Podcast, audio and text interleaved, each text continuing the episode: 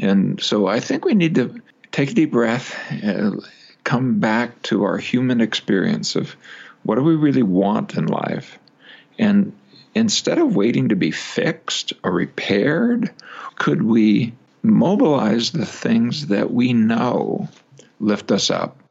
Your mind can be your most valuable asset or your biggest liability, and you get to choose. This is the Building Psychological Strength podcast, where we explore ways to build resilience build confidence, and make our minds work in our favor. We draw from the fields of psychology and life design to help us intentionally create a rock solid mindset upon which a vibrant life experience can be built. My name is April Seifert. I'm a psychologist, a life design strategist, and co founder of Peak Mind, the Center for Psychological Strength. Each week, I'll introduce you to an expert, a concept, a technique, or a hands on practice that will help you build psychological strength in your own life. These are the tools to help you thrive. Hello, everyone, and welcome back to the Building Psychological Strength podcast. My name is April Seifert, and I'm your host. And this week is huge. It is incredible. This week, we are featuring a guest who has made extremely meaningful contributions to the field of psychology and to science as a whole. Dr. Stephen Hayes is a Nevada Foundation professor at the Department of Psychology at the University of Nevada. He's the author of 45 different books. We actually talk about his most recent book called A Liberated Mind a lot during this interview. 45 books, and over 625 scientific articles. He's the developer of relational frame theory and has guided its extension to acceptance and commitment therapy, a popular evidence based form of psychotherapy that's practiced by tens of thousands of clinicians all over the world. We talk a lot about acceptance and commitments therapy and also acceptance and commitment training, which is ACT the acronym for his uh, therapeutic approach, but applied more on a day to day basis. Dr. Hayes has been the president of several scientific and professional societies, including the Association for Behavioral and Cognitive Therapies, ABCT, and the Associ- Association for Contextual Behavioral Science. Get this. He was listed by the Institute of Scientific Information as the 30th highest impact psychologist in the world and Google Scholar citations put him among the most cited scientists in the world. He's received the Lifetime Achievement Award from ABCT, and he's a fellow of the American Association of the Advancement of Science. I could go on and on. We are so fortunate to have Dr. Hayes on the podcast, and even beyond his accomplishments that you could write down on, on a piece of paper. Beyond that, there is so much value and so much detail and actionable detail in this episode. It is just, it's one of the best that we've ever released. So much so that there is an exercise that Dr. Hayes leads us all through, but I was participating on my side during this interview. It's toward the end of this episode. That exercise is so important, in my opinion, for everyone to hear and engage in and participate in that I'm actually going to release just that section of this interview as its own supplemental bonus episode. Because I'm afraid that if somebody, for whatever reason, doesn't have time to make it to that point in this episode, they're going to miss out on the mental shift that they could experience by going through that uh, just that exercise. So if you're listening to this, please, please, please catch the bonus episode as well. Sit down in a quiet place and go through that exercise. I was crying on the other side of the microphone while he was leading this exercise because there was a connection and a shift that was made in my mind that I have never connected before, not once. And I've been working on this issue that I had in my mind when he led th- led us through this exercise, I've thought about that issue and worked on it for years intentionally. And there's a connection that I never made. And it just broke me in that moment. It was just incredible. I want everyone to experience the power of that exercise. So, again, if you have not caught, uh, or if you aren't sure you can catch this entire episode, please do not miss that bonus episode with just um, that exercise in it because it's incredibly powerful. Before I jump into this interview, I need to let you guys know we are very close to shutting down our $1 for your first month in the Peak Mind membership offer. Uh, if you want to get into the membership and you want to try it out at a very, very low barrier to entry, now's the time to do it. We have amazing things coming toward the end of the year. I can't say what they are. Our members know what they are. I'm so excited. Uh, but amazing things coming. So if you're on the fence and thinking about it, now's the time, friends. All right, without further ado, I absolutely, it is my privilege uh, to share with you all our conversation with Dr. Stephen Hayes, the founder of Acceptance and Commitment Therapy and author of the brand new book, A Liberated Mind How to Pivot Toward What Matters. Well, Stephen, I am so thrilled to have you here for this episode of Building Psychological Strength. This is such a treat to have someone who has not only your background, but who has made such an impact in the field of psychology like yourself. So, thank you so much for being here. Well, thank you for inviting me, and I'm looking forward to our conversation. So, I've been digging into your work quite a bit as of late. You know, my my co-founder in Peak Mind, Ashley Smith, has been following you for quite a while, given the fact that she is a clinical psychologist and, and uses a lot of your work in her practice with her patients. And it is, it's just amazing to see so many areas of psychology that um, I don't know, I guess in when I was studying in graduate school it seemed so disparate and and seemed like they weren't coming together into a whole. It seems like they are with your work. So this is amazing to get to chat with you. Can you give us just a little overview of the work you do and um, in particular some of the therapy modalities and approaches that you've developed yeah i'm known for uh, on the psychotherapy side for acceptance and commitment therapy. When we're using it outside of psychotherapy, we call it acceptance and commitment training. And either way, it's called ACT. And what that is, is a collection of acceptance and mindfulness methods and commitment behavior change methods that target this central concept that we call psychological flexibility, which is at the core of uh, this new book, uh, A Liberated Mind, that just uh, has been out a few weeks that sort of summarizes my personal story, that science story.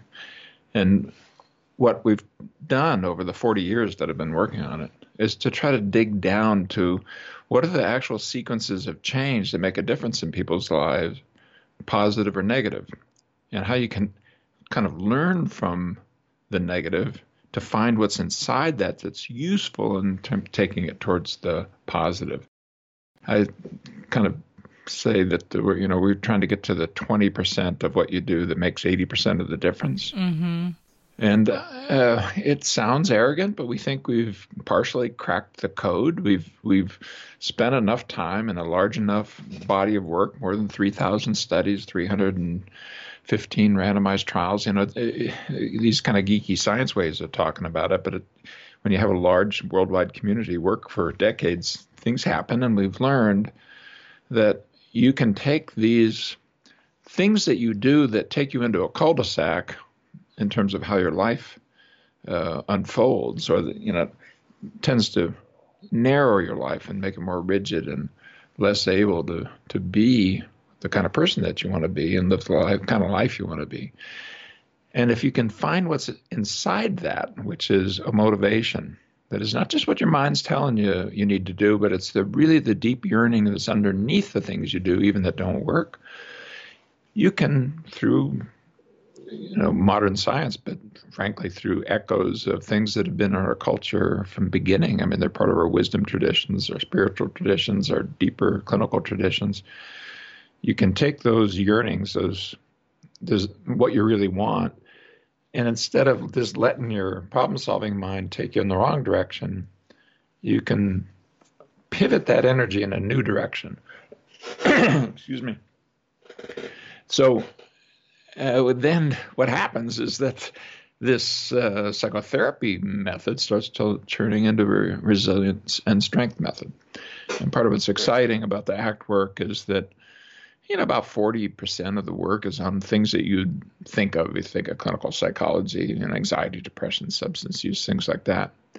But then about 40% of it is on behavioral health issues like dieting or exercises or exercise or stepping up to the challenges of physical disease.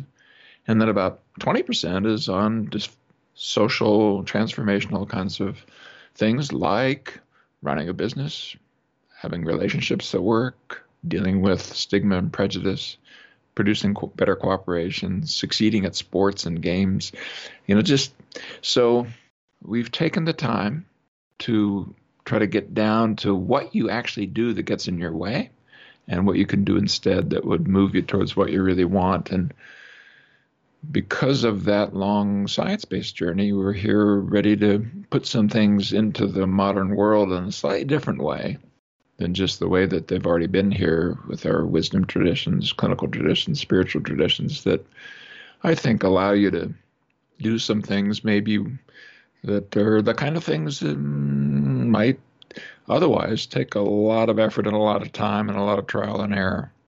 And not everybody can afford to do 10 day silent retreats. And but you can do a, you know a 60 second exercise that might carry a little piece of what you'd find in that 10 day silent retreat. And I'm not saying they're the same thing. I'm just saying that when you keep your eye focus on what lifts people up, uh, you know, sometimes you can find things that are broadly useful, and that's what we think we've found in ACT and the underlying psychological flexibility model. Here's what I love about there's a number of things and I could go in so many directions, but there's there's a piece of this that I don't want folks who are listening to this to miss. You know, you were as you were talking about act, right? You made the distinction or just the nuance under we have acceptance and commitment therapy, that's what you would um, lean on if you were in a therapeutic context with someone. And then we have acceptance and commitment training.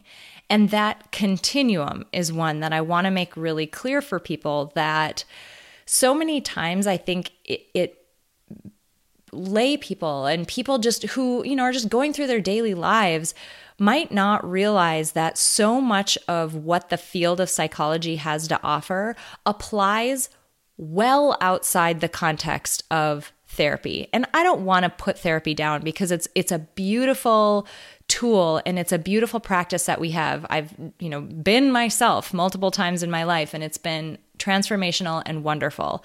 But day to day, when we're not in a situation where that's necessarily what we need, there's still a continuum there and there's still a degree to which the underlying common tools and techniques would help us live a better life day to day. So I don't want people to miss that that you know continuum that you're alluding to there because it is more than just the the field of psychology is more than just you know what happens behind the closed doors of you know a therapy session you know actually one of the kind of tragedies i think of the modern world is that um, behavioral scientists are, are, not necessarily looked to when we start thinking about the problems that we face. But if you just stop and think about, well, what are the top 10 problems? Just pick them. And people have different lists. But I bet you it includes things like mm, climate change. It probably includes something like what do you do about uh, immigration? How about the great disparity of wealth? How about uh, the Me Too? How about uh, gun violence. You know, how about the soaring rates of suicide? How about the fact that our kids are more than a standard deviation worse in terms of anxiety, depression, et cetera, than they were just 30 years ago? How about that sense of unease that you have just looking at your computer screen and seeing what's going on in the world? On and on it goes. You know, that every one of these problems involve human behavior hello. I mean, if I invented the car that cut the, you know, our mileage, let, let's say doubled our mileage, and you drove it twice as much, I've not done anything for the climate crisis. My first book, out 40 some years ago, was called Environmental Problems, Behavioral Solutions. I was interested in how could you take psychology and make a difference, because as an old environmental activist, you know, the early Earth days and things like that the th- things that excited me. And I've never lost that uh, kind of aspiration. And I, and yet, if you just watch your television screen when, when they have the people come together and talk about the world's problems, in all these different forms. Very often the psychologists are not at the table, the behavioral scientists aren't at the table. And if you really, really have a personal problem, then you're thinking about it. That, well, that's fine. That's great. I'm glad you have psychotherapists there. I am one. I've developed a psychotherapy method. but, you know, I want a psychology that's helpful to me and what I'm going to do over the next hour or day or week. You know, that supports me when my son comes home from school and knowing how to motivate him and help him, support him to get through his uh, eighth grade uh, math test. But I, and my wife's going to come home, and I want a psychology that'll help me, you know, look my wife in the eye and let her know that I love her, and be there for her as she comes home with the work stresses of the day and maybe say a few things that might be helpful to her. And on and on it goes. You know, I'm going to get out on my bike here not too long from now, and I'm going to give a good hour on the hills and valleys around my home. You know, I want to be able to do that consistently. I don't want to do that just once every three or four weeks because my body needs it more consistently. Psychology has to be there for us, I think. Well, and and part of it's on the, the shrinks. Part of it is that we've mm-hmm. talked in ways that have put people in these little cubby holes. Oh, I have depression, I have panic disorder, and we just haven't been in a, an honest conversation with the culture that number one, these cubby holes are not real. You don't have a latent disease. You know, there's no evidence that you have something when you have panic disorder. No, you're doing things that are producing these things. And by the way, some of the things you're doing that might produce that, you can change. And by the way, they have a lot to do with how you might step up to other challenges. So I think we need to turn the page and think about uh, think about our own thoughts, feelings, memories, bodily sensations, behavior, attentional processes, values, all of that in a wiser way that's informed by science. Don't, you know, turn it over to the scientists you wouldn't do that in any area of your life, but don't forget to ask about and explore and to read about. Uh, if you read this book, A Liberated Mind, it's, it's kind of, the, as I say, the science story and the personal story, but you go to the back of it, and I mean, I've got everything that I'm talking about in there is evidence based. Every single thing is documented with research. And the public has a right to demand that. There's so many voices out there saying, I got the solution, I got the solution. And yeah, okay, but what about the where are the scientists in there? I, I went and looked at all the self help books that are popular right now. Almost every single one of them is not written by a person that has any science credentials. And what's going on there? Agreed. You know, I mean, I, I really like some of these folks, uh, but you know, YouTubers and influencers and all this stuff, you know, the modern world of social media and people writing advice and so forth. I like that. But there's a role just for evidence. And if we can get it out of the geeky, self stimmy, inwardly focused uh, kind of science that's sometimes there, and instead get the kind that helps give us the simpler answer I mean, you wouldn't think science would give you the simple answer, but yes, it does. I mean, sometimes it's a little hard to understand, but E equals mc squared is pretty darn simple. Everybody knows the formula, and it applies to everything. Could we do the same thing with behavior, with psychology? Uh, this is my best attempt. This book. Uh, uh, there's six things you have to remember, six things you have to learn, and it does a lot of heavy lifting. So the science shows, as I, I would say, the 20% that does the 80%. So, uh, yeah, it's a, it's a good uh, thing to notice that uh, we've been compartmentalized in a way that sort of cuts off uh, sources of information for our lives from folks who study human behavior and how the mind works.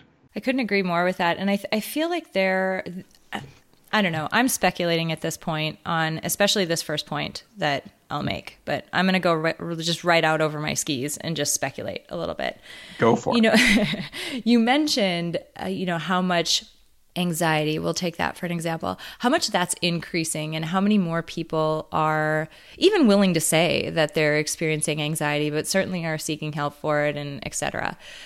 I think in as things become more common, we start to think of them as I don't I hate using the word normal, but kind of as normal. So everyone should feel a sense of dread on Sunday nights when they think about their week ahead. That's just how it is. There's nothing you can do about that. That's just how everyone feels, and this is normal.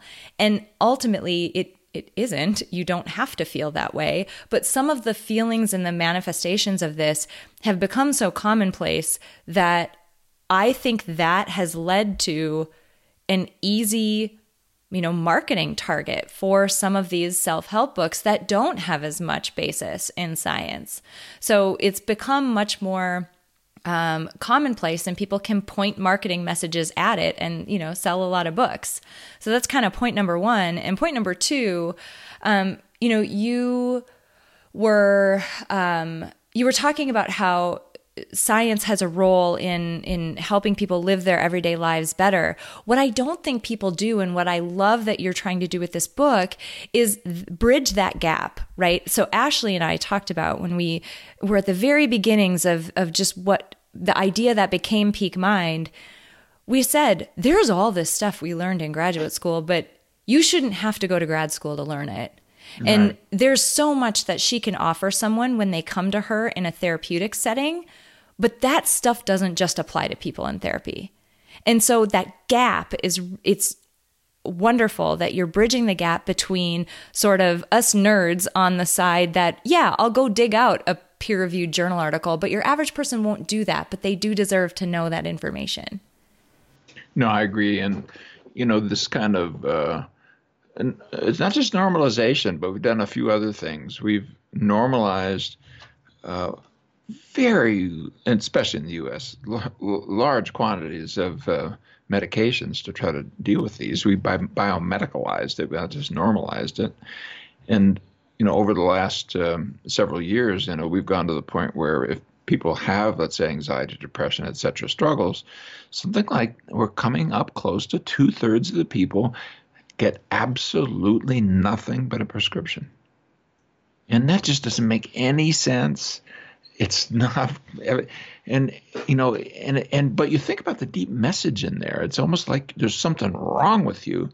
And so on the one hand we're kind of normalizing it's everywhere. On the other hand we're sort of saying and you ought to be doing these things which by the way the long-term effects and so forth are not large and they have you know your body starts adjusting to it. I mean, yeah, there's a place for medications, but be careful about high doses for long term. I mean, any kind of wise consumer would would say that. So you got that problem.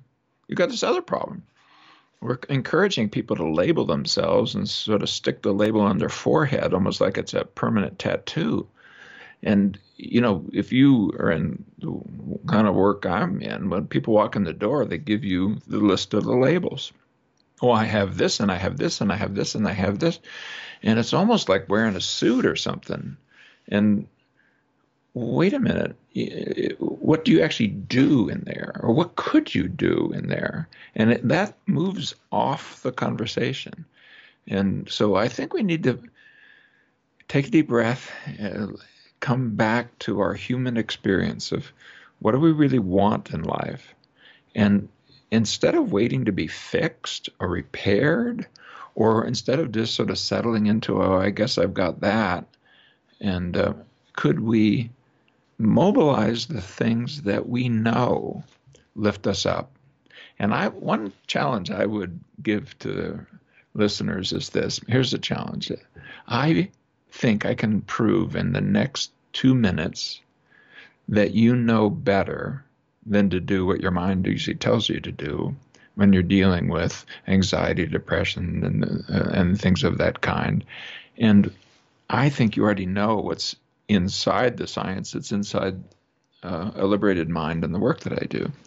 Can I uh, give them a, a, way of answering this two minute challenge? I would love that. That would be wonderful. All right. Think of something that really brings you down, that's painful, like the, a kind of thing that shows up in your mind that in the middle of the night wakes you up and it's just old and hard and sticky and filled with pain and struggle and just think of something like that. It could be a, a memory a thought a feeling or usually it'd be all those things glued together. Now look around, nobody's watching you. If you're in a place where you got some privacy, imagine that you're a sculptor and your body is the statue that you're sculpting, and you're going to have people walk through a sculpture garden and they're going to see your outsides. And what I want you to do is put your body in a shape of you at your worst when dealing with that issue. So that from the outside, if somebody saw it, they'd get a little bit of a sense of what it like to be you on the inside when it's you at your worst dealing with whatever that issue is that you just settled on. And then take a little mental snapshot. If you can actually do it, it'll help, even though it feels a little odd. If nobody's watching, I mean, you, you're only embarrassing yourself. So, really, you can do this. and then now come back to your normal posture, but then put now put your body in the shape of the statue that shows you at your best with that same issue. Because there are times when you handle that in ways that you know or allow you to move forward in life in, in, in, ways that are better than the posture you just showed. So show me your posture with you at your best when dealing with that same issue. Don't change the issue. And actually put your body in that shape. And then take a little mental snapshot. We've done this around the world. We have hundreds and hundreds of pictures of people doing this exact thing with these exact instructions. Here's what happens you at your worst your head comes down, your eyes close, your arms and hands come in. Or if they don't come in, your fists go clenched as if you're in a fight. You tend to buckle at the middle. Your legs come in. You may assume a fetal position. You may actually flop to the floor. What are you showing with that? I think you're showing that when you defend yourself, or when you fight, or when you flop, you fail. You know, and that little set of uh, processes are unhelpful to you. But if you look at your body uh, and how it, you put it into a position with you at your best for that same issue, I bet you your head came up. I bet you your eyes came open. Your arms and hands probably went out. Maybe your fists unclenched. Well, what's the metaphor there? I bring my consciousness to the moment. My hands are free to move. I can do things with them if you were in a you might even I, we have pictures of people standing up with their legs uh, apart, you know, like like almost like this powerful like superhero kind of. Well, here, here's what is in a liberated mind. If you are able to open up to your own chatter and pain and bodily sensations, etc. In other words, to treat your insides in a way where your head still gets to be held high and your eyes open, metaphorically that you can actually see it and be with it in a way that's open. And then if you can allocate attention consciously to what's of importance, metaphorically, like putting your head in a place where you can move and look at what's important, not just looking at the underside of your eyelids or, or your belly button as you cringe down into a defensive posture. And if you can move then towards the things that you care about and actually do something around that and metaphorically have your hands free to reach out to touch, to do, to change what's of importance there, life opens up. So you already know the answers. The problem is that you've got a problem solving mind that doesn't, because it's the little voice within that's telling you to run, to fight, to flee, to fight, to flop, to fail. And so we need to learn to rein in this problem solving mode of mind, which is only it's a thousandth as old as these ancient learning processes that are half a billion years old that are feeding you your emotional reactions, your memories, etc. Analytic, judgmental, problem solving mode of mind is great. I'm glad humans invented it. But uh, the language trained chimps don't do it. They don't do what your 12 month old baby does, and we're so we're new at it. We're still not able to manage it very well, but we're feeding it in the modern world so powerfully that everything turns into a problem to be solved, including your own life.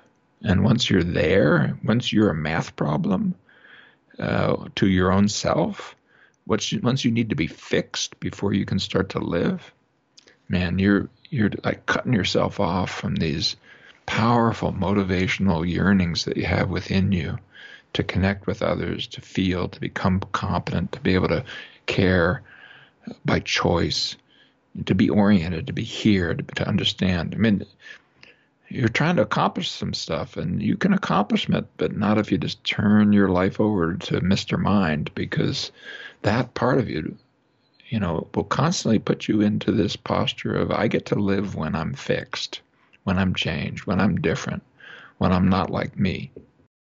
Good luck with that. You're going to wait a long time to start living. And uh, your your program is on strength and resilience and it's right there inside your struggles but uh, and you and you've got the seeds of it right inside this little exercise. When i've done this with people um, around the world they all show whether you're wearing a burqa or you're in africa you're in the us of a you already know the answer. You just don't know how to mobilize your own psychology around it and uh, i try to walk through in a liberated mind how to do that but it's not new stuff. It's stuff you kind of know already. Mm-hmm. Life can be so much more than simply going to work and waiting for the weekend. But deep down, you already know that. You know that life can be so much more vibrant. You know you were made for more than just passively going through the motions. You know you can thrive, but to do that, you have to start from the inside out. And that is why I'm so excited to announce that for a limited time, we're offering you the opportunity to join us in the Peak Mind membership for only $1 for your first month month. That's right, $1 to join us in the full Peak Mind membership. All you have to do to take advantage of this amazing offer is to visit us at www.peakmindpsychology.com, click on the membership, and enter the code THRIVE at checkout. Think about it. We all know what we need to do to keep our bodies strong. But what about our minds? What if you had the tools to build the psychological strength confidence, and resilience to help you thrive at work, at home, and in the rest of your life? What if you made the commitment to living your life by design and not by default? All of this is possible. The goal of Peak Mind, the Center for Psychological Strength, is to help you build the mental toughness, flexibility, and resilience to thrive in your life. We draw from the fields of psychology and life design to help you intentionally create the vibrant life experience you know is possible. Through live online workshops, a 24 7 on demand library, expert interviews, and monthly challenges, our members are building the psychological strength that it takes to thrive through life's ups and downs. And like I said, you can do it too. For a limited time, we're offering you the opportunity to join us for only $1 for your first month. Just visit www.peakmindpsychology.com, click on the membership, and enter the code THRIVE at checkout. Your mind can be your most valuable asset or your biggest liability, and you get to choose. So, what choice are you making? Join us in the Peak Mind membership before this amazing offer goes away. It's interesting because you take a different approach than what I think definitely probably the audience listening to this has heard in the past around difficult and painful events or struggle that we might have. You aren't approaching it, it it's interesting the the words that you use and the language that you use it's not as you said something that needs to be fixed or avoided or ignored. Um, you can move forward and and I love that you say start start living right now. That doesn't have to be fixed first. Yeah, exactly. You don't, and, and and you know, your mind tells you, "Oh, I have to get over it. I have to get past it. I have to get through it." No, you have to get with it. Ooh, dig into that a little bit. What's the what's the difference there? Okay, so let's say, for example, you've had a betrayal. We've all had it, haven't we? You know, think about these early love relationships where you're betrayed in some way, you're dumped, you, you're lied to, you're no longer wanted, etc. You know, and and you know, of course, you want to. It would be nice to remove that pain, right? But don't you kind of want the learning from that? For example, was this the right kind of person to be with? Okay, here's what the data show. If you push down that pain and you push it away, you are more likely to get in a relationship where the same thing happens again. And most of us kind of sense that, and that's what the data show. Who are the people who are more likely to take that painful betrayal? It's the ones who can learn to carry that experience with them. And because what's inside the pain of betrayal Your mind says, Oh, I should never be so vulnerable again. No, that means I should never be woundable again. But the reason you were wounded is because you wanted something. What did you want? I mean, you wanted an intimate, loyal, loving, connected relationship. Yes? Well, you didn't get that. You got betrayal. I get that that hurts. And the solution is not to, oh, okay, so I'll just never be close again. But that's what you mean by I'll never be vulnerable again, because if somebody's close to you, they can hurt you, even if it's not intentional. I got an email this morning that our 80 year old nanny, who uh, I'm going to have a hard time talking about this without crying, but our 80 year old nanny who moved to back to Sweden, who's one of my first secretaries and then retired and raised my now 14 year old son in these early years, you know, and carried him around as a baby and stuff, that she's in hospice care and is probably not going to live too much longer. You know, and, and my son and my wife and I uh, held, held each other this morning and cried as a family. That's the reflection of the love that we feel. When you were, were betrayed and it cut you through the heart, that's a reflection of the kind of loving relationship you wanted and didn't get. So, can you get with that and allow it to be like a flashlight in the darkness of the direction you want to move in? And the direction in these cases of betrayal is not how do I defend myself? That means how do I eliminate the possibilities that I can love again? Really, if you dig into it and you watch yourself. I mean, a person has been through a deep betrayal and then you're dating again, next thing you know, you're picking fights with the person who's getting under your skin, and maybe this person actually is somebody who could get close to you. You start not answering the phone, picking fights. I mean, just watch your own behavior. You'll see that you defend yourself against yourself. And so, if instead we could treat our own pain the way you might if some you had a crying child in front of you, with kindness, with compassion, but don't give yourself the challenge of having the magic eraser that will remove it because a you be, would become stupid even if you can. B you can't do it anyway. C right inside that pain is the purpose that you have. So let's let it move through us, like the tears this morning about our, our nanny. Get with that because it contains something that's deep and important and uplifting. So the mind doesn't understand that, but your heart understands it because you showed it with that posture. It's that posture of head up, eyes open, arms out you know, I'm going to embrace myself and the whole of this moment and then carry all of that forward. And that kind of resilience is what strength is about. And you can show it. We have now studies with 10,000 people followed over a decade. And I can show you that in physical health, mental health, prosperity goals, being able to do a, uh, you know, have relationships that work and so forth. If you start doing the psychological equivalent of head down, eyes closed, arms and hands in, keeled over, everything's going to go negative. If you can step up to it and get with your history, get with your pain, with your memories, with your bodily sensations. Now, let's all of us, like a big car with all the passengers in it, let's move towards what we really care about, not by subtracting my memories, but by carrying my memories or subtracting my feelings, but carrying my feelings. The mind doesn't get it, but you do, and uh, you can learn it. And when you do, everything starts opening up. And that's what's in the book. I walk through the incredible span of things that that applies to, from you know winning an Olympic medal to being able to diet, keep to a diet. I mean, it's there, uh, and you kind of already know it. Uh, let's learn how to put it in our lives.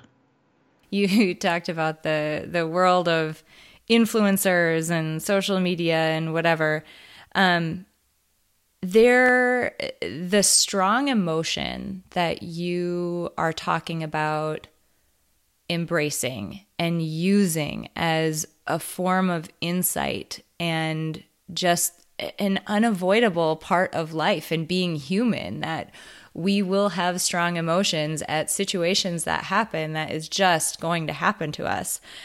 The what I see on social media is almost an insistence to like equating those strong emotions with a bias toward negativity or complaining or sort of this rumination around um, you know smaller things in life that we tend to let get to us.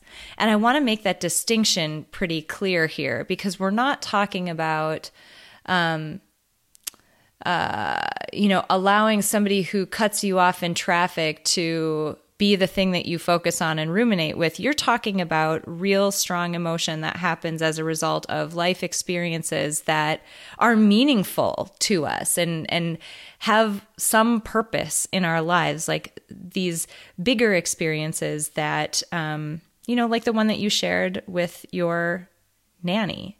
Yeah, you know, yeah, I think we sometimes uh, get advice out there from the influencers and so forth to uh, you know kind of it, it's it's sort of logical and reasonable and but it's not actually psychologically wise. And uh, these if you think back over your life as to what are my most important moments i bet you just made a list that includes some things that your mind says are negative. Mm-hmm. oh absolutely.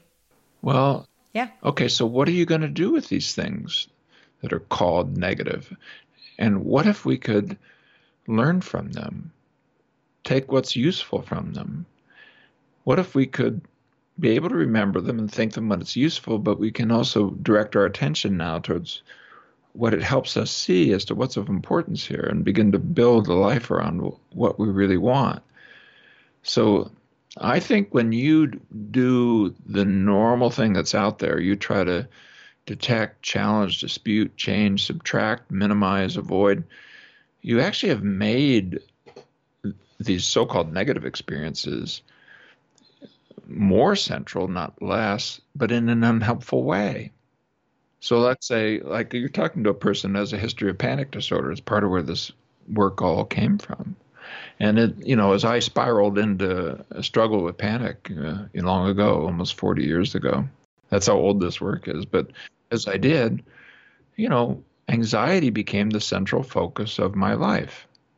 Well, that's not useful. That's not helpful. But I had to do it. I kind of turned into a bad self cell phone commercial. You know, am I there yet? Am I there yet? Am I there yet? Mm-hmm. The answer is always no, because every time I ask the question, my mind is right back of these things that I fear and I'm trying to control, often with a little emotional jolt that sort of told me, oh my God, it's coming back again.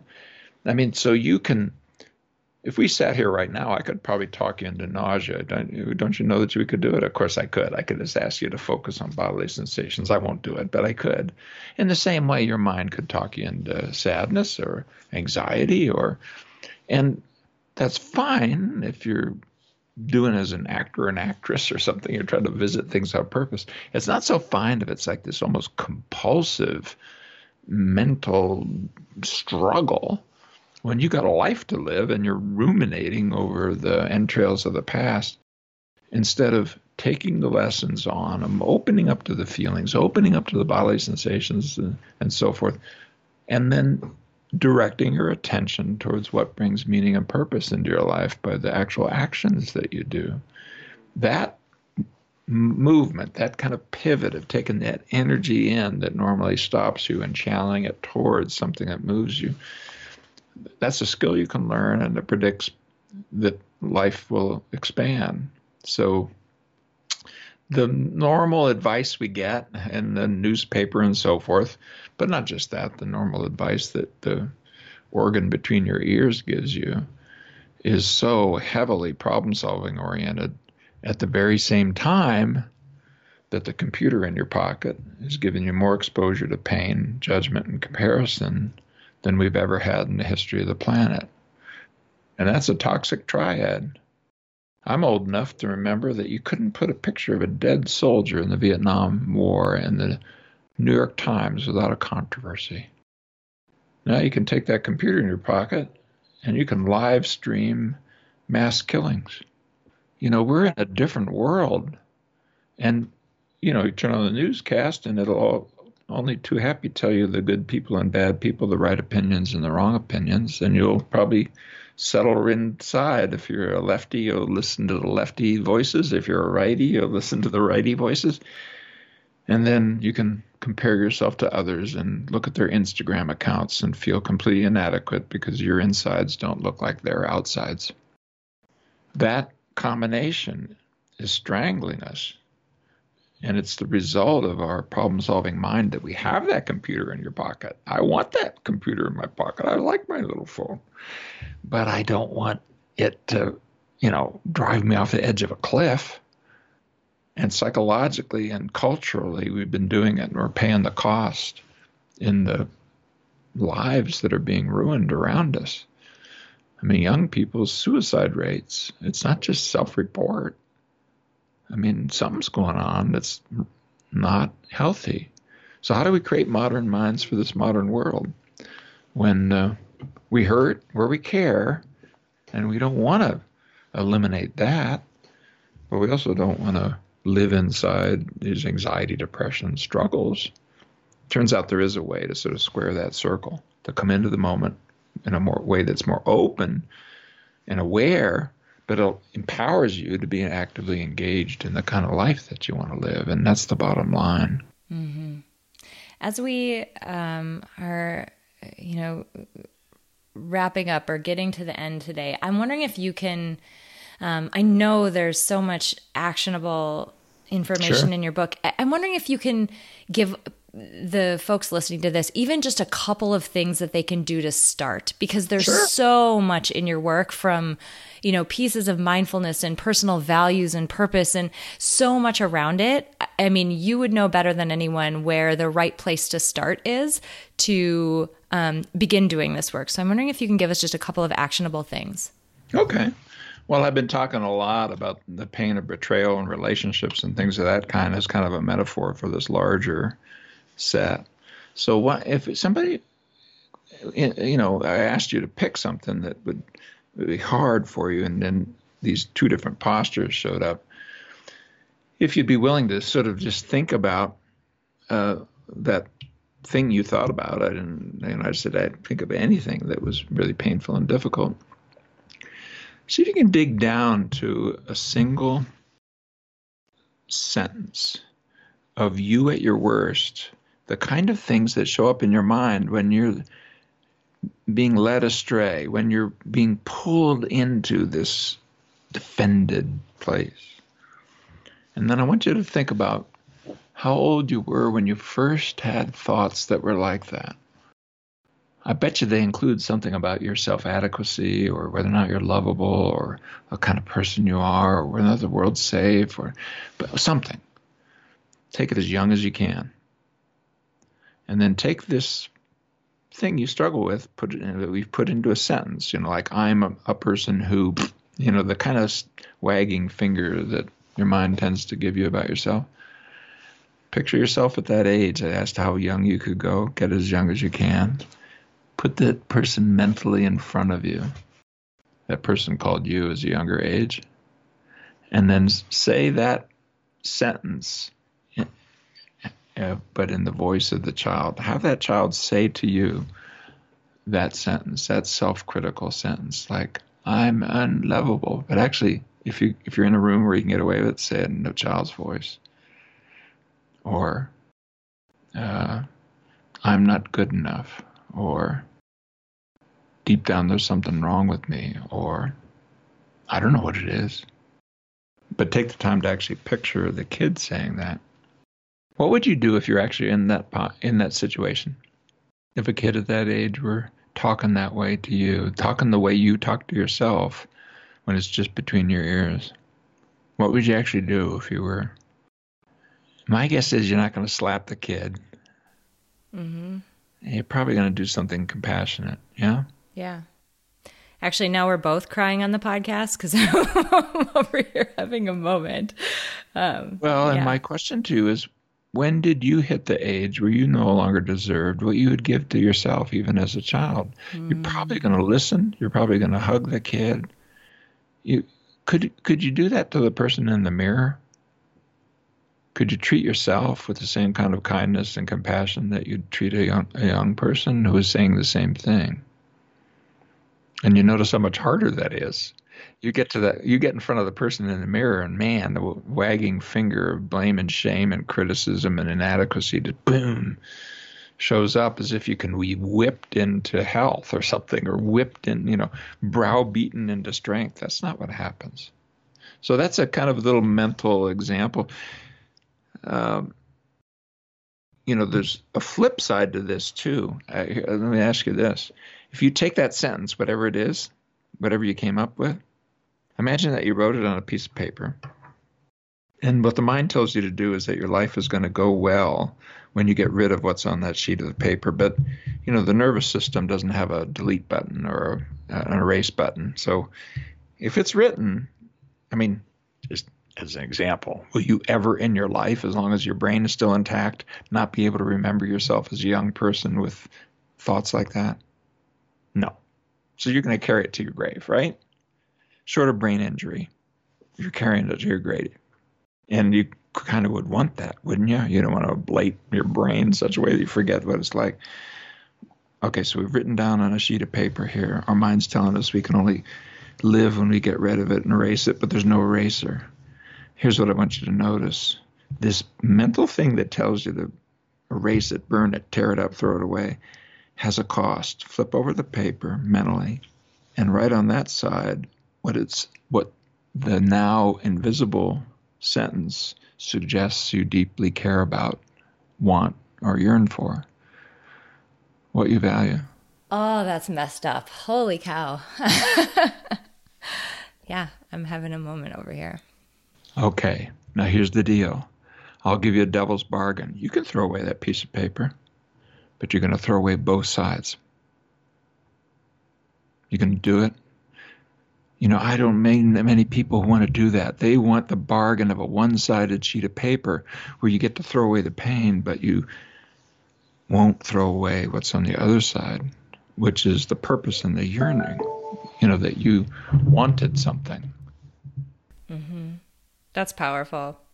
That was such a huge gift to everybody who's listening to this. Like, if you were in your car and you're scared to do it because you might run off the road, I mean, man, get back to that point and do this exercise. I'm over here trying to like be able to put words together and talk. Um, so I hope everybody takes the time to sit down, get quiet, and actually do that exercise. That was really huge what's the reason we uh, call uh, the book a liberated mind how to pivot towards what matters is the metaphor of a pivot is like the energy that's going in one direction we can whew, turn into another direction just like the pivot in a hinge takes the energy in a door when you push it in one direction the door opens in the other direction mm-hmm. so if you take the energy that's inside the i'm not good enough and all the criticism and so forth and and swing it around. It's actually easier because it's just like dancing. You know, you don't you don't dance well if you're a dead stop.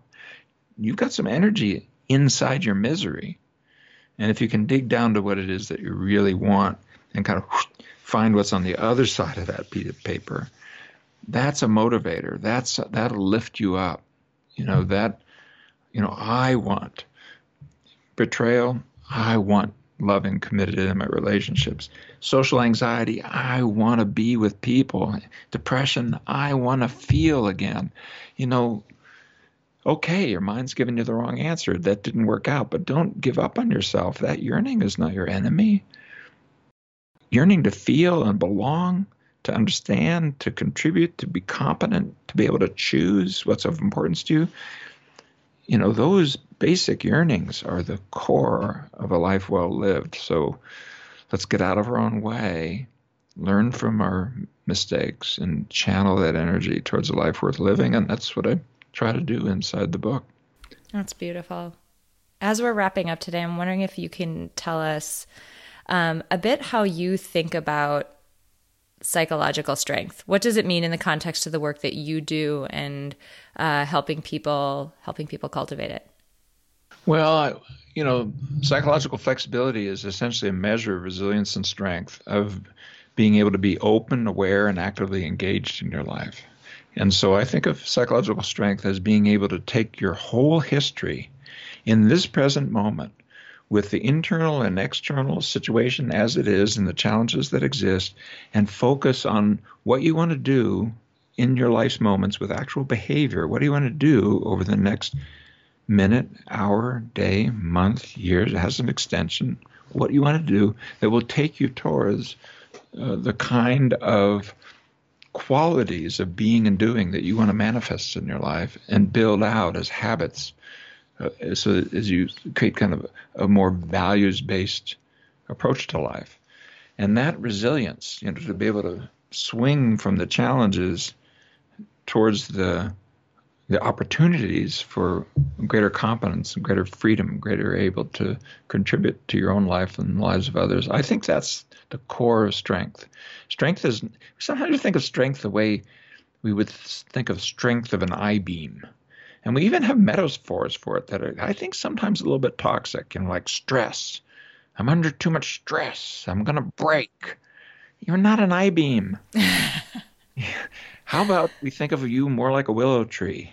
You know that yeah, strength is of importance, but it's flexible strength where the, you know the winds batter and the limbs mm-hmm. move, but you then come back centered and are able to you know reach up and grow. I mean the I think strength doesn't have to be this rigid model. It can be the flexible model of strength, the kind of uh, martial arts model of strength, not the I beam model of strength.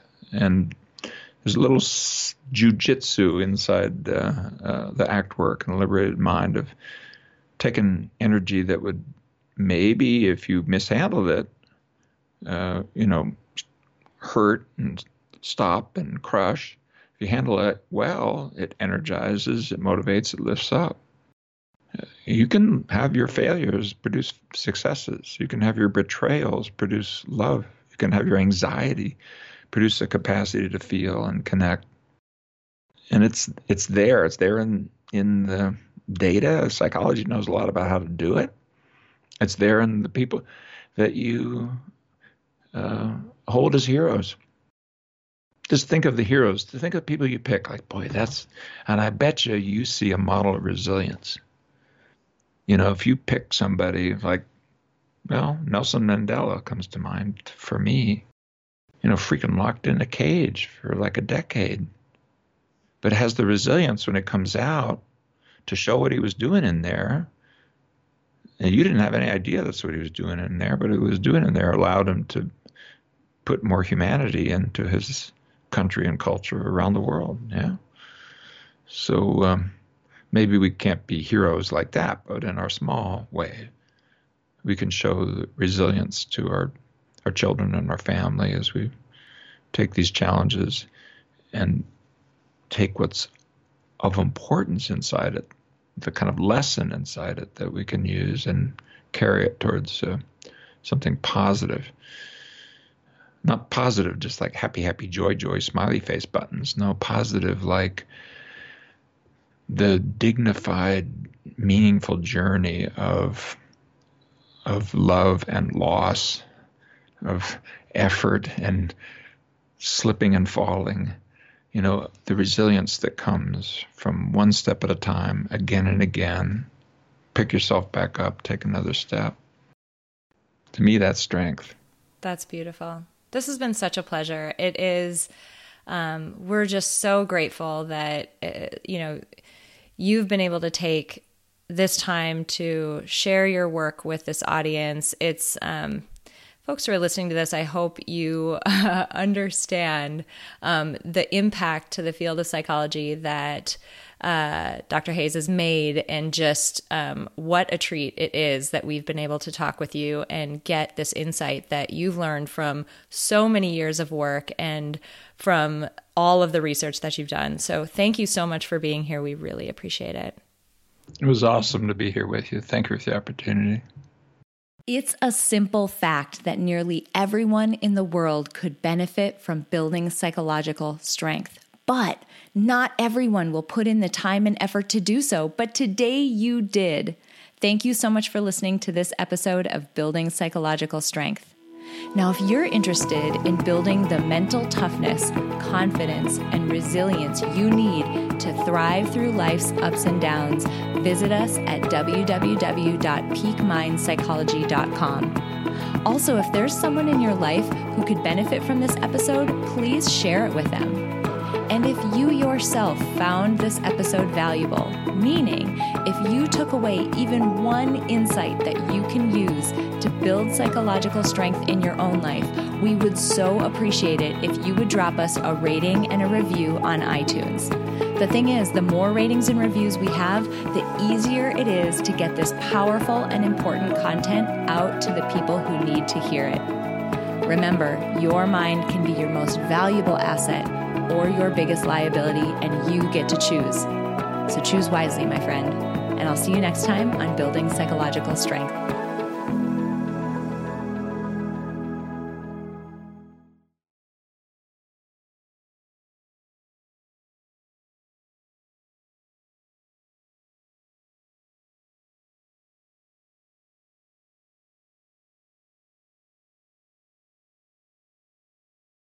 At Parker, our purpose is simple.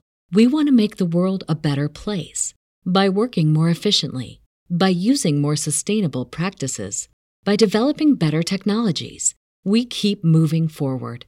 With each new idea, innovation, and partnership, we're one step closer to fulfilling our purpose every single day. To find out more, visit parker.com/purpose. Parker, engineering your success. Swimsuit? Check. Sunscreen? Check. Phone charger? Check. Don't forget to pack the 5 Hour Energy. It fits great in a pocket or carry on, and the alert feeling will help you arrive ready for anything. Now get 20% off when you use code 5HE Travel at 5hourenergy.com. Expires April 30th. One time use only, not valid with other discounts. Remember, visit 5hourenergy.com and use code 5HE Travel to save 20%.